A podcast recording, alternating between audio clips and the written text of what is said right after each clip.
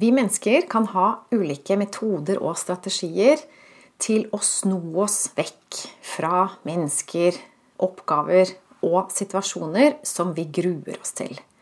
I dag skal du få mitt beste tips til hvordan du blir kvitt slike selvsaboterende mønstre, slik at du får gjort det du trenger å gjøre.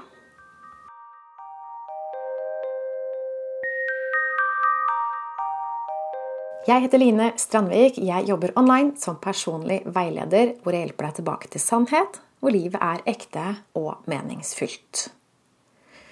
Hvilken type er du? Er du den typen som får alt gjort til enhver tid? Du har ingen hengepartier, du opplever mestring av livet, og du når målene du setter deg. Eller hender det litt for ofte at du setter deg mål som du ikke klarer å gjennomføre? Det kan være mål om hva du skal spise, hva du skal trene, når du skal sove, hvor mye du skal sove. Kanskje er det kurs du melder deg på som ikke du klarer å gjennomføre. Kanskje du lover noe til andre som ikke du rekker. Kanskje er det kollegene dine, kanskje er det barna dine. Du rekker ikke å svare på mailer, rekker ikke å svare på SMS-er. Og hva er det det gjør med deg å ikke rekke? Ikke, og ikke gjennomføre, og ikke mestre, og svikte. Du får dårlig samvittighet, tipper jeg. Føler litt på en skamfølelse. At du føler deg litt udugelig. Verdiløs kanskje òg. Og jeg tipper også du føler deg overvelda og stressa. Og kanskje vet du at du burde klare bedre. For du har jo verktøy. Du har drevet med personlig utvikling før. Du har gått på kurser før, og så er det en ekstra skam å vite at du burde klare det, men allikevel ikke klarer. Du ender med å føle deg som møkk. Og hvorfor gjør vi det her? Hvorfor havner vi i sånne situasjoner? Kanskje er det noe som er vanskelig, som gjør at vi utsetter. Kanskje legger vi ikke engang merke til at vi utsetter. Vi bare mister fokus. Og plopp, så hadde vi ikke gjort det i dag, eller gitt. Eller så kan det være noe ubehagelig som vi opplever, som gjør at vi heller har lyst til å fokusere på noe hyggelig. Og det kan være et mønster du lærte som barn. Det er det iallfall mange som har lært som barn. At vi skal tenke positivt. Vi skal ikke grave oss ned i problemene. Så hvis det er noe som blir vanskelig, så børster vi det bare vekk. Og så gjør vi noe hyggelig isteden. Kom, så går vi og spiser saft og boller og koser oss, så tenker vi ikke mer på det, det der. Og hvis du ble oppdratt sånn, så var det sikkert godt ment fra foreldrene dine eller de som opptrådte. De tenkte sikkert at du skulle skånes for det vanskelige. Eh, men det kan ha dannet seg et mønster hvor du nå unngår det vanskelige istedenfor å konfrontere det. Og istedenfor å bli ferdig med det. Og istedenfor å bli klokere på hvordan du har plassert deg selv i denne situasjonen. Jeg har massevis av tips til deg om hvordan du kan bli en fullfører, men i dag skal jeg gi deg ett tips spesielt. Hva skjer om du ikke lærer å overkomme slike unngåelsesstrategier? Livet består av mye som skal håndteres.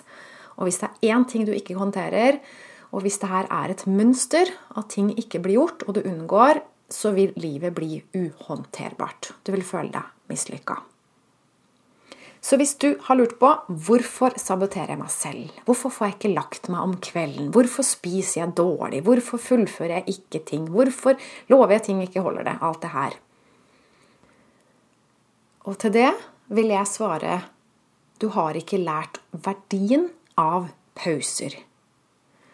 Hviletid, det er nemlig ikke dødtid. Hviletid, det er der du regenererer. Det er her du sorterer tankene. Underbevisstheten gjør det for deg.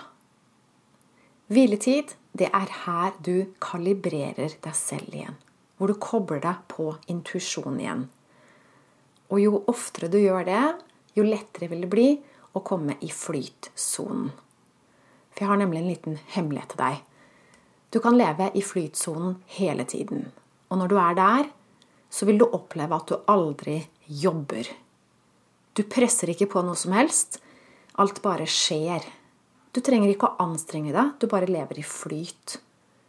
Ting bare utfolder seg. Har du opplevd det før? Jeg tipper de fleste av oss har fått et lite glimt av det, men de færreste lever der hele tiden. Hvis du vil tilbake dit, så trenger du å legge inn flere pauser i livet ditt. Tider hvor du ikke gjør noe som helst. Og da mener jeg virkelig ikke noe som helst. Ikke snakke med noen. Ikke skrive eller tenke. Slettes ikke se på TV. Koble vekk Internett. Ikke spise noe. Ikke ta deg en øl. Rett og slett gjøre ingenting. Bare sitte helt stille til alt faller på sin riktige plass inni deg selv. Så jeg har en utfordring til deg. Hvor lenge klarer du å sitte stille uten å gjøre noe?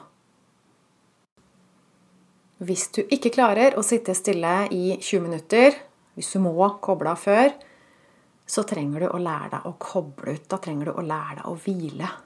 Da er det det som skal til.